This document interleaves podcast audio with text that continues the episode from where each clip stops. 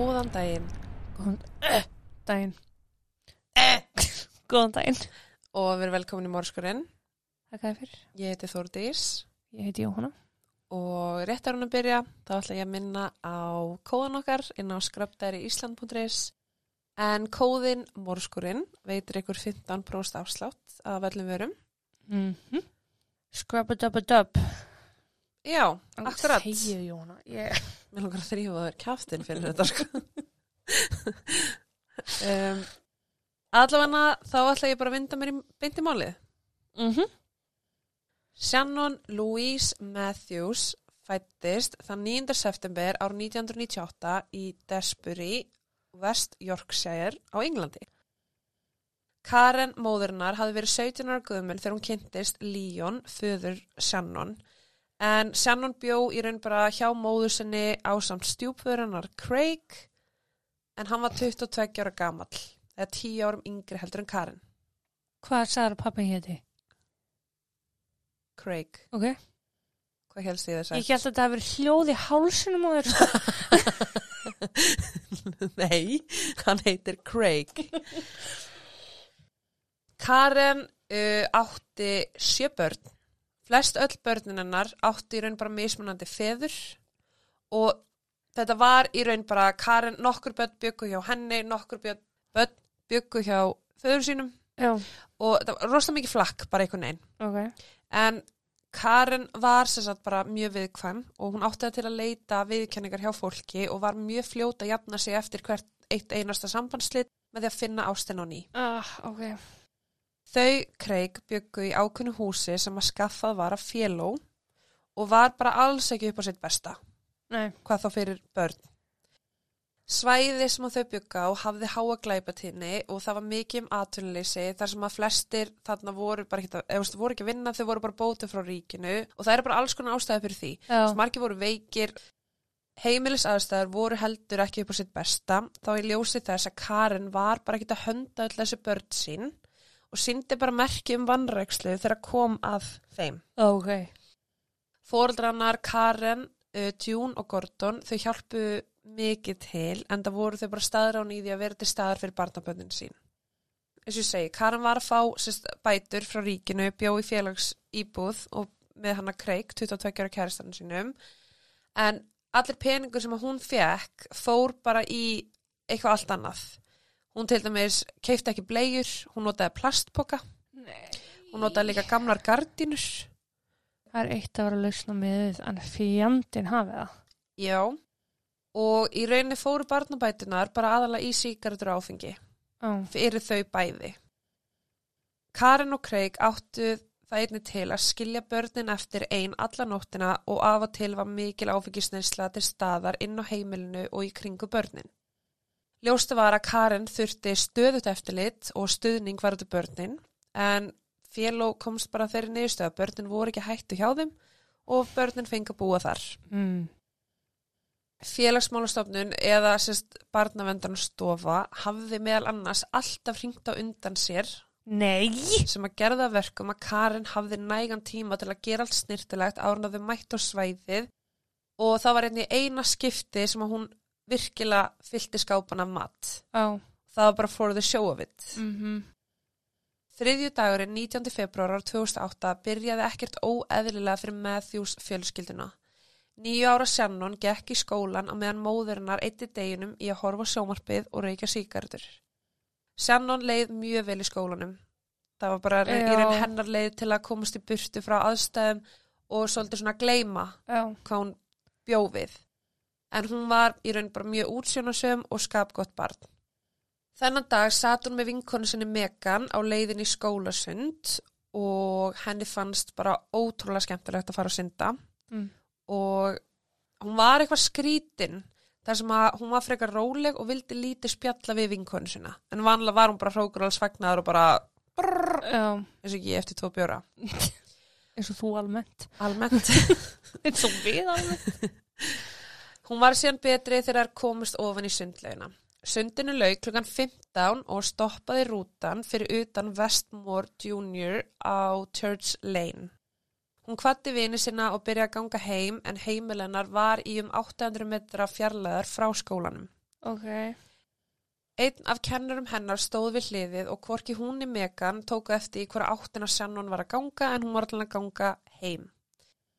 Þegar Shannon hafði ekki skilað sér heim klukkan fjögur að þá fór móðurinnar heim til nákarna þeirra og spurði hvort að þau höfðu orðið vör við hana. Ok, hún hafði þó ræðinu til að huga því. Já. Hún var áhyggjufull þar sem að það var mjög óvinnulegt og bara ekki líkt Shannon að skila sér ekki heim. Hún hafði lokið skólasundir klukkan þrjú, gengi á stað heim 800 metra Já. og klukkan orðin fjögur. Mm Hins vegar voru fullt af stöðum sem hún gæti mögulega hafa stoppað á áður en hún kæmi, svo sem hjá vinkonu sínum eða heima hjá frængu sinni. Þannig að Karin í raun bara ákveða að slaka hans á og fór að versla með systur Craig sem að bjó í næsta húsi. Já. Þegar hún kom heim rétt fyrir klukkan sjö voru engin ummerki um Shannon. Það var þá sem að Karin ringdi neðalínuna og tilkynnti dóttur sinna týnda. Hún sagði þeim frá því að hún væri búin að hafa samband við alla þá sem að gæti mögulega vitað um hana en það vissi engin neitt. Mm. Lögreglan var mætt á vettfang 15 mínútur yfir sjö en Craig, Craig, Craig og börnin komið til dyra á meðan Karin var út að leita dóttur sinni. Mm. Þegar lögreglan mætt á vettfang þá sáu þeir strax að húsið var mjög skítugt. Það voru föt á víð og dreif, það voru leifar mat sem að hrúist upp í eldúsinu og bara síkarutiliktin tók sterklega móti. Oh. Þannig að bara bæði tvö reyktu inni eins og Já. strómpar. Karin kom síðan heim og var bara í miklu uppnámi. Hún hafði leita og leita og ekki fundið neitt. Hún settist niður og byrjaði að svara spurningum lögreglu um bara hvort það væri einhver ástæða fyrir því að Shannon myndi vilja stinga af. Mm. Þú veist, þú getur ímyndar að vera lögreglumar í þessum aðstæðum. Er einhver ástæða fyrir því? Þú horfir í kringu og ert bara eitthvað, ég get svara sjálfur mér. Já, Já. þetta. Mm Karin útskýrði fyrir þeim að eldri bróðurnar væri nýbúin að fá tölvu í skólanum og að Shannon hafi verið mjög öfundsjúk vegna þessa. En annars var ekkit annað sem henni datt í hug á þessum tíma. Smá input með þetta svo að segja. Er ykkur ástæði fyrir að hún myndi vilja fara og þetta er aðstæðan. Bönn eru merkilega mikið með fóröldur sinum í liði þó svo að þau séu Já. svona einu heimili sko. Já, Það er bara, þessi tenging og ástæð er bara, já líka börn sem alast upp þetta þau þekki ekki annað. þau það, ekki betur. en það er líka bara eitthvað svona von um að aðstæður lægist Já, og þú veist, þetta er náttúrulega bara meðvirkni en mér er svo, svolítið skrítið að segja börn séu meðvirkni en auðvitað eru þau eru bara meðvirkustu einstaklingarnir já. Börn er ekkit að stinga af bara út af einhverju svona, af því sko. það er drasleima Nei, þú veist, það er ekki þannig nei, emitt. en Já, og það var bara sem að Karin sagði. Hún sagði bara, Shannon stakk ekki af. Hún var bara sannferð um að einhver hafi ræntinni á leiðinni heim úr skólanum. já, Uh, þeir spurðu hvort þeir mættu leita í húsinu en Craig brást illa við því og spurði bara, ok, hvað eru það að saka okkur um hvarfinar? uh, Uh, þá var í raun bara útskýrt fyrir fóreldrunum að þetta væri bara venjubundin aðferð og mögulega gæti þeir fundið eitthvað sem gæti varpa ljósi á það hvar Shannon væri niðurkomin. mm og það er ekkert óvinnilegt að fóreldrar missi viti í þessum aðstæðum. Þú veist, þú ert þannig að batnið þetta tínt og svo lögreglan vil fá að leita og þér líður bara eins og sé vera að ráðast á þig. Já, og þú veist, eins og þessum tíma þá hugsuðu þau bara, af hverju er þið ekki út að leita? Já, af hverju vil ég leita á þú veist, ég gerði þetta ekki af hverju er það einblinn á mig, skilur einmitt. þið fannst þeim bara vera svolítið að sóa dýrmætum tíma Já. með því að leita henni þarna en á sama tíma, þú veist, skildun eftir miða er eitthvað sem maður getur bent á hvar hún mögulega er, það þarf líka að leita af þessu þó svo sé, eða þú veist. Já, alveg 100% sko.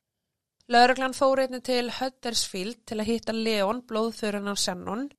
Þeir vildu aðtöfa möguleikan á því hvort að Shannon hafi farið til hans en hún gerði það ekki. Sex mánuðum áður en hún hvarf þá hafði hún heimsótt föður sinn reglulega og hafði bara gaman af því en eftir rifrildi Karinar og Líón sem að snýrist um bara meðlagsgreðslur þá vildi hún ekki leifa honum að hitta dóttur sinna lengur Ói. vegna þess að hann vildi ekki borga nóg mikla peninga. Mm. Hann var niðurbrotin að heyra frá hvarfi dóttur sinnar og ók beint til Dewsbury Moor til að aðstofa við leitina eftir hann frétti að hennar væri saknað. ok, Leitarhópur var sendur út meðan lögreglan gekk á milli húsa í hverfinu í vonum að einhver hafi síðana. Þegar fregnir fóru að berast um hvarf stúlkunar þá fór allt samfélagið í að hjálpa til við að leita og leituðu alla nóttina, gengum göturnar og fóru gegnum alla agra, kallandi á Shannon en það var bara ekki neitt sem að fannst. Nei. Yfirvöld og leitamenn urðu sérstaklega ágifullir um velferð hennar þar sem að hitastegið fór niður í mínus 6 til mínus 9 gráður þessa nóttu og sannleikur var bara að sá að nýra stúlka myndi var að lifa það af í þessum kulda þar sem hún gæti mögulega að fengið ofkælingu. Mhm. Dægin eftir, þann 20. februar, voru 200 lögreglumenn að leita. Þeir böngu á dyrnar í hverfinu, skoðuðu garða hjá fólki og bara flest alla staði sem hún gæti mögulega hafa falið sig á. Mýrin og skólendið var einnig greitt vandlega og hægt og rólega voru að myndast ákveðnar áhyggjur um að Shannon hafi bara ekkert stungið af og yfirveld þurft að horfast í augu við það að það væri bara mjög mikla líkur á því að einhver hafi tekið hana. Já. Julie, formaður leyendasamtakana, sá sérst um skipulagningu leitarinnar. En uh, félagsmiðstöðin í Dewsby varð bara einhvers konar miðpunti leitarinnar þar sem að fólk gætt komið saman og fengi nýjar upplýsingar. Já. Það var bara að vera að bjóða upp á kaffi, þú veist. Þetta var bara svona, fólk gætt komið þangað, er eitthvað nýtt að frétta, ok, hvað er við að leita, þessu svæði, ok, gerum það. Já. Og almenningu var bara staður án í að gera allt sem er gáti til að hjálpa til við að finna hana. Ok. Lauruglan snýri aftur að heimili Karen til að ræða frekar við þau og sapna upplýsingum sem að gæti gagnast þeim. Barry yfir lauruglu þjótt hjælt svo neyð að fundi kjölfari en það voru aðeins nýju mánir frá því að Madeleine McCann kvarf í fríi með fóldri sinum í Portugal svo mál tindra barna var enn í fersku minni hjá almenningi Já. En eins og við vitum þá var Madeleine líka frá Breitlandi. Mhm. Lauruglustjórin sannfærið almenning um að þeir væru sko að gera allt sem í þeirra valdi stæði til að finna hana og komin heim á örugan hátt. Lauruglan bak Karen um að tala ekki við fjölmila þar sem að það geti skada rannsóknina og stopna lífi sjánun í hættu. Karen hlustaði hins vegar ekkert á það þar sem að setna um kvöldið kom hún út úr húsinu sínu og fór út á verund þar sem að mikill mannfjöldi af fréttamönnum hafði sapnað saman í vonum að heyra frá fjölskyldinni Mm. og bara fá slúður Já. bókstallega. Fyrir framann myndavélina hjælt hún á bangsa og baði um að fallega prinsessan sín myndi koma aftur heim. Besta vinkona Karnar, Natalie, fannst þetta mjög skríti þar sem að Karin hafði aldrei kallað Shannon prinsessuna sína og þegar hún spurði Karin hvort að bangsin til henni Shannon þá sá hún bara, ég veit það ekki. Oh, bara syndamannska. Já. Nóttin kom og fór og enn voru engin merkjum Shannon. Þann 21. februar tóku yfir 200 íbúar Moorside Estate og nágrinni þátt í leitinni að Shannon. Myndir og upplýsingar af henni voru sett upp í flest fyrirtæki á svæðinu sem og á alla stöyra og sjálfbúðaliðar klættust ból sem að ástóð Have you seen Shannon Matthews? Dagbladið The Sun bauð 20 punta verðlun fyrir upplýsingar sem að leittu til örugra endurkomu og fyrirtæki á staðnum bara kom fram og bauð auka 5.000 pund ofan á það. Já. Þann 27. februar hafði leitin aukist þar sem að vísindamenn, björgunarsveitin, sérþjálfaðar hundar og bara allir voru fengnir í leitina, ekkert fannst. Nei. Bæði Karen og Líón komið fram á bladamannafundi þar sem að Karen klættist Help Find Shannon stuttur um að ból og bara aftur bangsan sem hún hafði haft meðferðis þegar hún stilti sér upp fyrir bladamenn. Hún var frekar tilfinningarlaus og flöt miða við hvernig hún hafði hagað sér á fyrri bladamannafundinum. En nú aftur tilfinningar í svona aðstæðum Já. skipt bara, já. Hún hjælt áfram að lýsa þeirri trú á að Shannon hafi verið rænt og væri hann út einhverstar. Og hún var bara, hún er á lífi, getum við fundið hana. Já. Skoðað var í bíla hjá 1500 ökumönnum, þar var í gegnum 3000 hús, 250 lauruglumenn sem og 60 rannsóna lauruglumenn tóku þátt í leitinni og næstu því tveir þriðju þefhunda í Bretlandi, eða bara á svæðinu, voru notaðir til að leita þarna. Ok. Þannig að leitin að Shannon varð ein umfangsmesta lauruglu rannsókn sem hefur átt sér stað í West Yorkshire síðan rannsókn að máli Yorkshire Ripper Wow. átt sér stað 30 árum áður. Já. Tíminn leið og yngar vísbendingar voru að finna. Með hverjum tímanum sem leið þá minguðu voni lauruglumanna um að Shannon væri á lífi.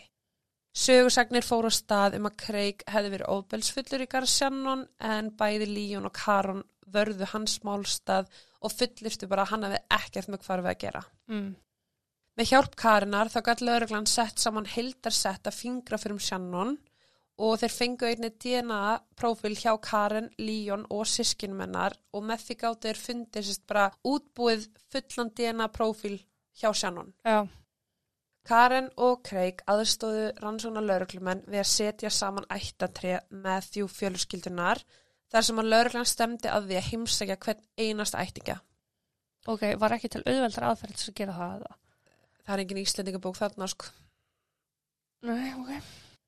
Þetta var ákveðið ferli en það voru þetta um 350 manns og það var bara Pétur frændi og svo börnin hans, Já. skilur við. Einhvern einhverstað þurftu þeir að byrja. Já, En þeir reynda að þrengja listan niður í einstaklingar sem að voru nánar fjölskyldinni og höfðu verið meiri samskiptu fjölskyldina heldur um bara einhver kalli sem að býr í Bahama. já.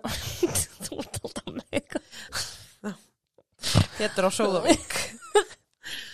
Jóna Flateri. Já, Lögreglan fekk ábyrtingar um einn aðila sem að Karin og Craig höfðu ekki nefnt við þá varandi ættatréð en það var frendi Craig sem að hétt Michael Donovan.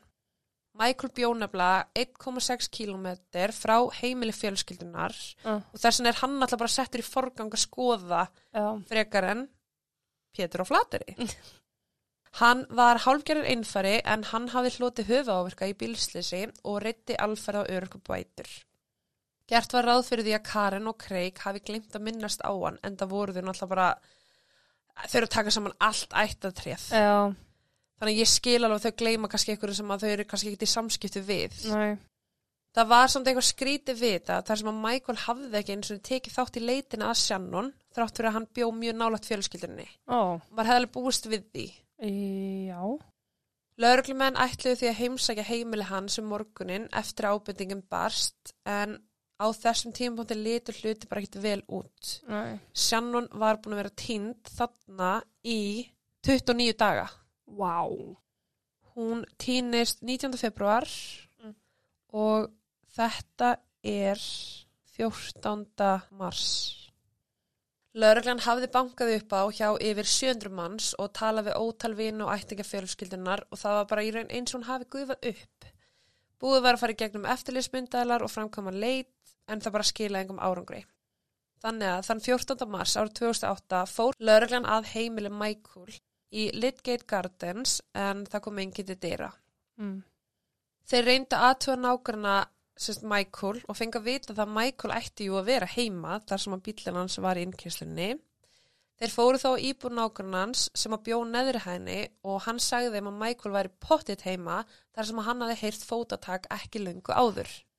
Nágrannin sagði þeim líka að undanfarnar vikur hefði hún heyrt eitthvað sem að hljómaði eins og barn að skokkum íbúðuna og gerði ráð fyrir því að nýja kærasta Michael hlita hafa eignast barn á ykkur tímapunkti. Á, Þetta setti rannsónan lauruglumenn á Varðberg og þeir bara kölluðu strax eftir aðstóð. já. Lauruglumenn gáta ekki fengið neitt til að koma til dýra íbúð Michael svo þeir bara spörkuðu upp hurðinni en það höfðu þeir raukstutan grunn til þess að áætla að það væri eitthvað í gangi. Já. Þeir gengu inn um gangin og leituðu að hverskinsmerki um að einhver væri á staðnum og skoðuðu hvern einasta krók og geima. Svefnherbergið líktaði af ferskum síkarettureik. Það var ljóst að var einhver heima. Mm Þeir gengu inn um íbúðuna og leitu og þeir bara fundu í raun ekki neitt. Nei. Þeir fóru inn í svefnherbergið, baðherbergið, bara allstæðarinn íbúðuna, það var ekkert. En á einhver tímpundi þá standar inn í svefnherbergi Michael og skyndilega heyra þeir látt væl komundar rúminu og svo heyrðist hættu þessu, þú hræði mig.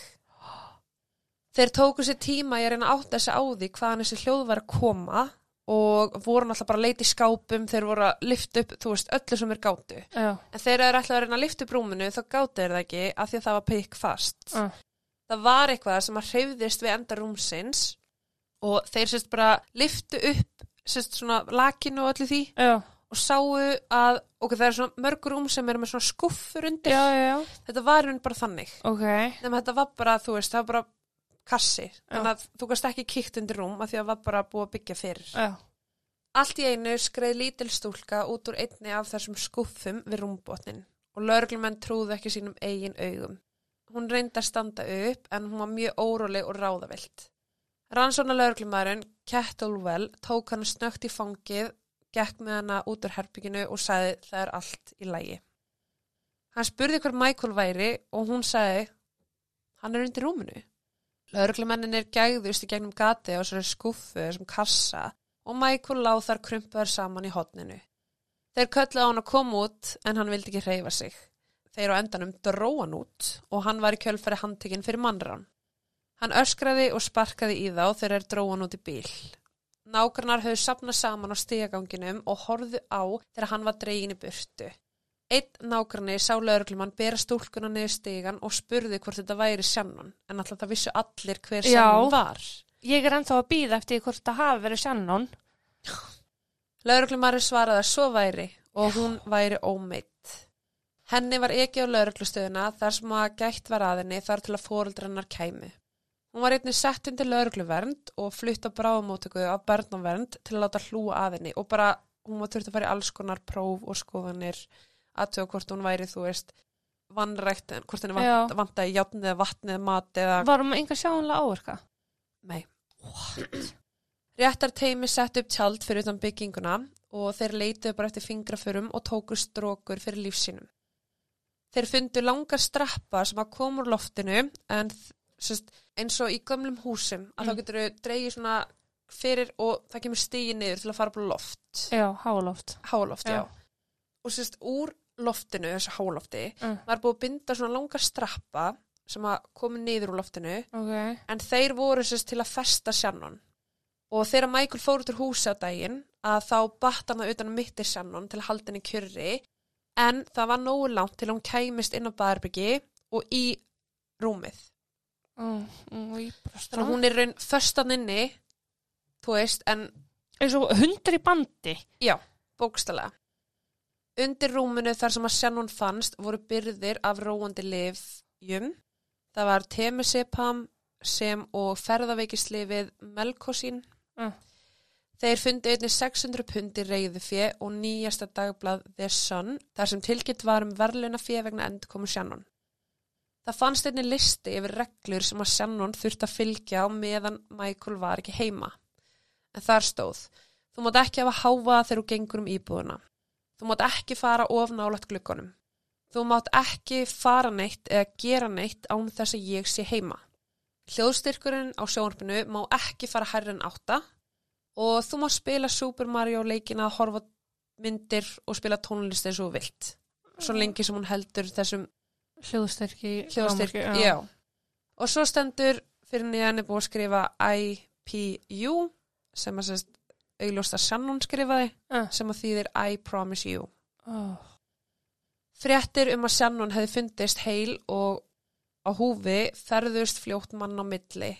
Fólki sem hafði staðið að leitin að henni voru heiminlifandi að heyra fréttirnar. Íbúar byrjuði að ringja og senda skilaboð til hvers annars. Nágrannar Karnar komu hlaupandi til hennar og hrópuðu að Shannon væri fundin. Þegar Karin heyrði fréttirnar í fyrstu þá fraus hún og bara brast í grát. Uh. Dóttirna var á lífi. Já. Lögreglan fór að heimili hennar til að staðfesta fréttinar um að, jú, Shannon hefði verið fundin á lífi. Craig, Grét og Karin snýri höfðinu frá sér til að losa um tilfinningar. Lögreglan bauðist til að keira þau á stöðuna til að hitta Shannon og þau þáðu það. En þegar þau komið þangað þá var þeim tilkynnt að þau gæti ekki hitt hana alveg strax, þú veist, sem var bara til að varvita sönnugögn. Já. Af því að hún alltaf var að fara í alls konar prófunir, líka meðal annars próf hvort hún hefði verið kynferðislega áriðt eða, þú veist, já, já. hún þarf að fara í gegnum allt. Mm -hmm. Þau fylgdust með Shannon sem var róleg og frekar ringluð. Þegar þau kom á stöðuna þá var Karen í einhvers konar áfalli. Hún er raun bara starða dóttir sinni í gegnum gler Ah. og sagði bara hún er í nýjum fötum. Svona Ok. okay. bara sjokk. Já. Það að ræna dóttirinu og hún er, Mm eða þú veist, Mhm. það er svona, þú býst við því að hún sé kannski illa stemt en hún er alltaf bara í einhverjum nýjum fötum og þú ert bara, hvað er þetta? Á meðan voru þau frá Moorside Estate sem höfðu helgað svo mikið að sínum tími að finna stúlkuna enn að fagna. Skóli Shannon fekk upplýsingar um endurkomunar og kennarar heldu óvæntar samkomu þar sem að bekkjarfélögum hennar var tjáð að hún væri fundin heil á húfi. Karen og Craig voru hins vegar ekki viðstödd uh, þennan blaðmannafund þar sem að þau hefði verið sett á hótel svo að þau geti fengið smá frið en það var bara áritið mjög mikið. Já. Michael Donovan, ræningi Shannon, satt á Halifax lauruglustöðinni með lögfræðingi sínum í skýslutöku. Michael útskýri fyrir lauruglu að Karen hefði planað þetta allt sjálf. En áallin hennar var að Michael myndi halda Shannon heima á sér. Að mamman Karen hafi planað þetta allt sjálf. Já. Hann átti að halda Shannon hjá sér á meðan að Karen myndi láta lítið út eins og hún væri tínt. Þetta er það sem að Michael er að segja í skýslu tökku við lauruglu. Ok. Hann segir að þegar verðluna peningurinn væri komin upp í 50.000 pund þá myndi Shannon finnast og Karen og Michael myndi skipta á milli sín peningnum. Verðluna fjöð var orðið 50.000 pund Ah. en áður en að Karen gæti sagt Michael hvað hann ætti að gera í framhaldinu þá var Michael handikinn. Mm. Þetta er sérst hans frásögn. Já, já, ok. Michael sagði við rannsóna lauruklumenn að hann vildi alls ekki gangi gegnum þetta en Karen hefði hótað því að hún sko þekkti fólk sem að gæti drepa hann ef hann myndi ekki hlýðinni. Mm. Hann fullirti að hann hefði aldrei meitt Shannon og hugsað mjög vel um hana. Hann meðal annars keipti handinni nýfött og dót. Michael hafði kynst Karen í erðidrykju sem að haldin var fyrir föður Craig. Þar fenguðu sér nokkra drykki og spjölluðu saman og þau virtust hafa bara mjög notalegt þetta kvöldið og sögursagnir voru um að þau tvö ætti ástasambandi. Ó. Shannon hafði það bara mjög gott í umsá félags þjónustunnar. Á hverjum degi átt hún tíu mínútna fund með lögregluþjóni sem var sérþjálfur í að yfirheyra börn en yfirheyslan fór fram í skólastofu til að Mm. gera umhverfið betra Já. hann liði betur. Kunnulegt um hverju bara. Já. Og þann 17. mars var Michael ákjörður fyrir mannrán og fyrir að hindra framgang réttvísinnar. Hann mætti í Leeds Crown Court í gegnum tölvuna úr fangaklefanum sínum þann 27. mars. Og réttarhöld yfir honum voru ákveðin 11. november sama ár. Ok. Eftir að fréttinar brutist út um að Michael hafi verið handtekinn og ákjörðu fyrir mannrán þá var mikill léttir meðal íbúa. Hins vegar fóru margir að velta hlutverki Karnar fyrir sér. Hún virtist ekki vera ánað með að Shannon væri fundin. Hún var ekki að spurja hvenar hún kæmi heim og hún síndi enga reyði í garð Michael fyrir að hafa rænt dóttur sinni. Mm. Vinir Karinar og aðverir sem hafðu eitt tíma með henni fóru að ræða sín og milli um hegðunennar á meðan Shannon var ennþá tínd. Ein af nánustu vinkvörmennar, Natalie, myndi hvernig Karen hafði hagað sér og sagði viðtali við BBC að þetta væri bara eins og vennileg dagur hjá henni. Hún og Craig hafði þá verið að hlæja og grínast, spila tölvuleiki og þetta virtist allt bara að vera mjög skrítið á meðan lögreglum var út að leita dóttu þeirra. Já. Barry yfir laurugluþjótt heitti Karni áður hún að fjölmiðlar fenguð fregnir af Michael. Hann talaði um að hún virkaði mjög afslöpuð þegar engi blaðamenn voru staðnum en um leið og þeir byrtust þá tók hún þátt í hlutverki kvíðafullrar móður.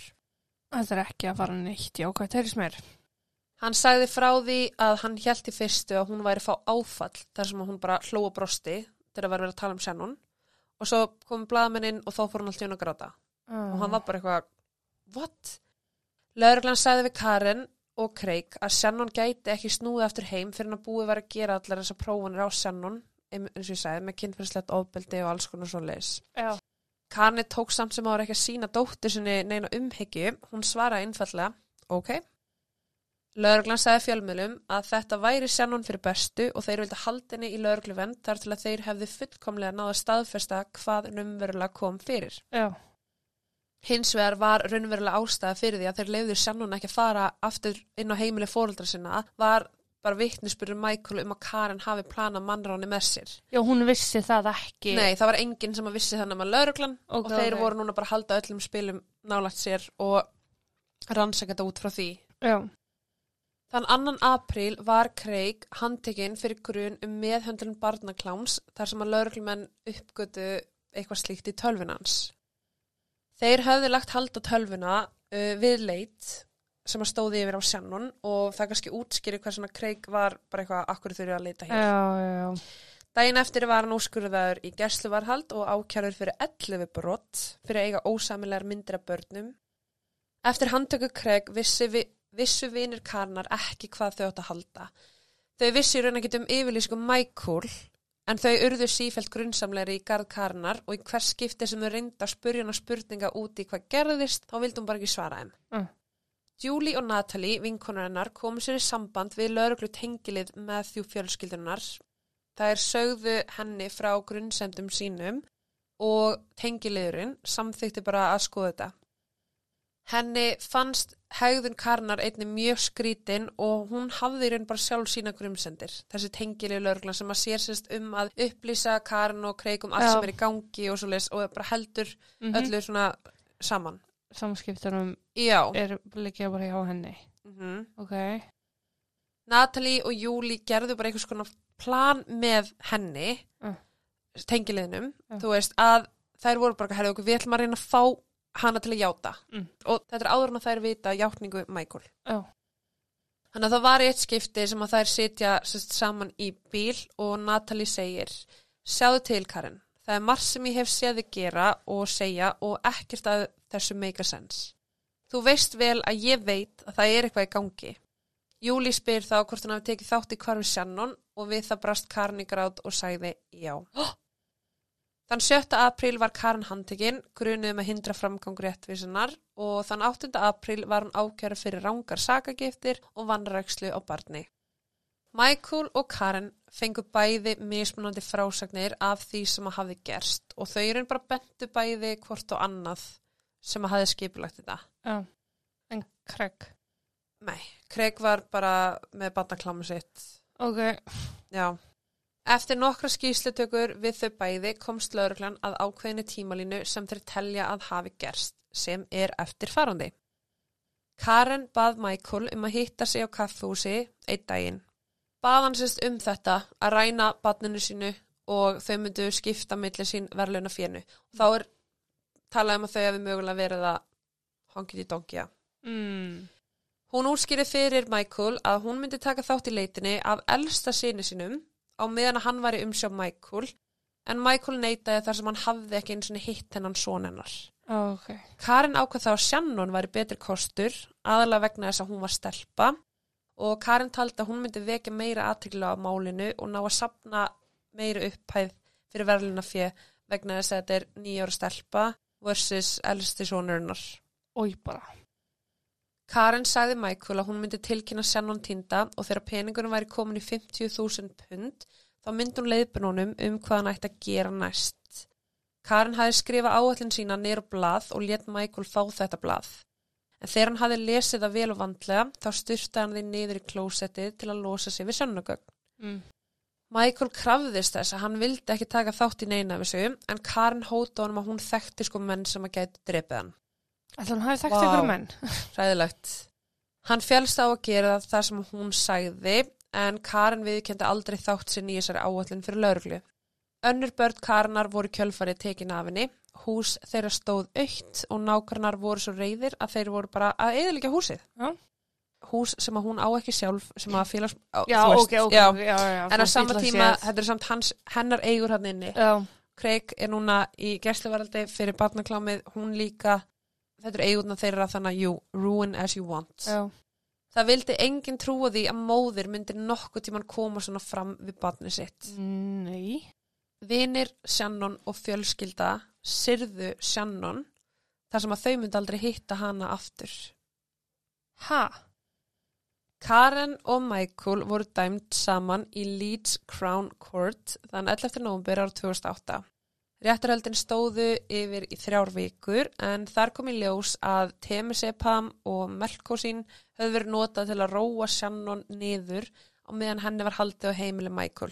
Michael var að byrlinni. Því lík hundahefni að hann hafi ekki drepið hana. Bara með það einu, sko. Þetta er nýjur og. Já. Hann verður ekkert með svona líf að gera. Nei. í kerfinu svona daglega. Aðrar prófanir síndu fram á að hún hafi verið að taka þessu sömu lif í um 20 mánuði áður en henni var rænt. Maður spyrir sig hvers vegna. Karen grét allan tíman og neita að hafa eitthvað með þetta mannrán að gera. Sankant henni þá fekk Craig hana til að taka á sig sökina. Hún sagði fyrir dómi að hún væri hrætt við hann og fannst hún þurfa að gera það sem henni var sagt að gera. Þannig að hún er núna klínu svo yfir á Craig. Ok. Kviðdómur komst að niðurstöðu og fundi þau bæði Karen og Michael seg um mannrán og fyrir að hindra framgang réttvísunar Mm. sem náttúrulega bara þú tilkynir um mannrán og þú veist þetta er ekki mannrán þá ert Já. þú að eigða tíma á eitthvað. Þau voru hvorum sér dæmt í 8 ára fangelsi og þeim var báðum sleft í apríl árið 2012 eftir að hafa afplánað innan við helmingdómsins. Karen flutti til Suður Englands þar sem hún fekk nýtt auðkynni þrátt fyrir það að það var strax komist upp um hana þar sem hann alltaf bara umfjöldin Já. um þetta mál var mikil og það er ekkert auðvilt fyrir hann að breyta bara útlitinu sinu og halda að enginn kannist við hana Nei. og hvað var Michael, þú veist það hefur ekkert, ekkert verið eitthvað fjallar sérstaklega um það Mm. hvað hann er að gera rannsókn á náttúrulega bara barnavendanemnd og félagsþjónustu var framkvæm til að komast að því hvort að það hefði verið hægt að gera eitthvað meira til að venda Shannon og sískinennar og það var náttúrulega bara skoðað þessa ákvörun þeirra að taka karni af hættu skrá. Sérst það var bara, ok, við erum búin að fara nokkur sem heim til hennar, það er allt spikk og span uh, við þurfum náttúrulega bara fjarlæðan af rauða listanum og byrja að spá í öðrum bönnum á rauðum lista Mm. og það var bara eitthvað af hverju og það sem að koma úr því var bara það var engin leið fyrir fagmenn að spá fyrir því að móðir hennar ætlaði að bú, plotta það að láta ræninni þú veist, þetta var bara einhvern veginn það sem að þau sáðu var bara allt annað en að var virkilega í gangi Já.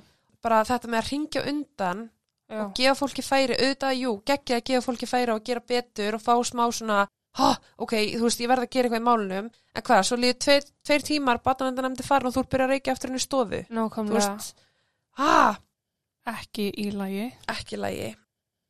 Shannon og sískin hennar voru náttúrulega bara öll tekin að heimilinu og þau fengu öll nýtt auðkenni og þeim var komið fyrir á bara ný fósturheimili. Ok. Þannig að hvert eitt og einasta barn fekk bara nýtt nafn og nýjan stað til að búa á og bara í dag lifa þau sem einhver allt annar. Já.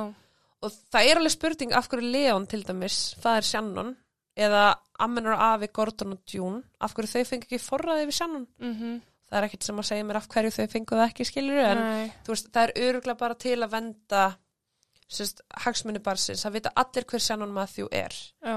Þannig að ef hún býr hjá ömmu svona afa þá vita ennþá allir að þetta er stelpunni sem var rænt og Mhm. til að hún kannski fái betri æsku þá kannski bara betra að slíta hana frá öllu veist, og auðvitað fær hún kannski að heyra sannleikan setna en þú veist, kominni fyrir á heimili með fjölskyldu sem að mun elskan og sínin alla þessa ást, ég er ekki að segja amman og afi þau ekki gert það eða pappinar Nei. en þú veist, að fá nýtt auðkynni og þurfi ekki, þú veist, að lifa í gegnum þetta alltaf. En það var sérst það sem ég var að segja með að fjölskylda Shannon og vinir að þau yfir raun mistu hana líka þennan dag. Nákvæmlega. Og sko, ég las einhvers þar núna nýverið að amma og afi, sérst June og Gordon, Já. þau, amma og afi Shannon, Já. Þau vita ekki hvað hún heitir eða hvað hún býr og fá ekki tala við hana, Oh. en þau fengu að nýlega að senda mynd af henni, Mm. sérst hvernig hún er í dag Já. og þau voru bara, she's fucking beautiful. Já. Og það er eina sem þau fá. Þannig að þau misti í raun allt. Það er híkalegt, sko. Já. En ástæðan fyrir myndist hann aðeins á Madrin McCann er að lauruglan var handviss um að mál Shannon væri samtengt við mál Madrin What? á þeim tíma. Já. Og þá var sérst tala um bara að málina Madeleine hafi gefið Shan, eða sérst Karen og Michael þessa hugmynd Já. um þetta fjö eða þennan pening sem að þú getur sapnað fyrir að láta ræna batnina gæslappa Já. þá er talað um að sérst, það er eitthvað sem að allir hugsu þegar Madeline var rænt Mm. það eru fóldrannar og sekir og þau vilja fá pening Já. Einnig var líka bara ákveði álítamál varðandi þetta verðluna fjö vegna þess að sko Bresk dagblöð byrtu 168 fréttur um hvarf Shannon Mm. en uh, á fyrstu á fyrstu 20 21. 21 dögum á fyrstu 21 dögum 21 dögum ok á 21 dögum oh my god, hvað segir maður á 21 Fyrstu rúmlega 20 dagana.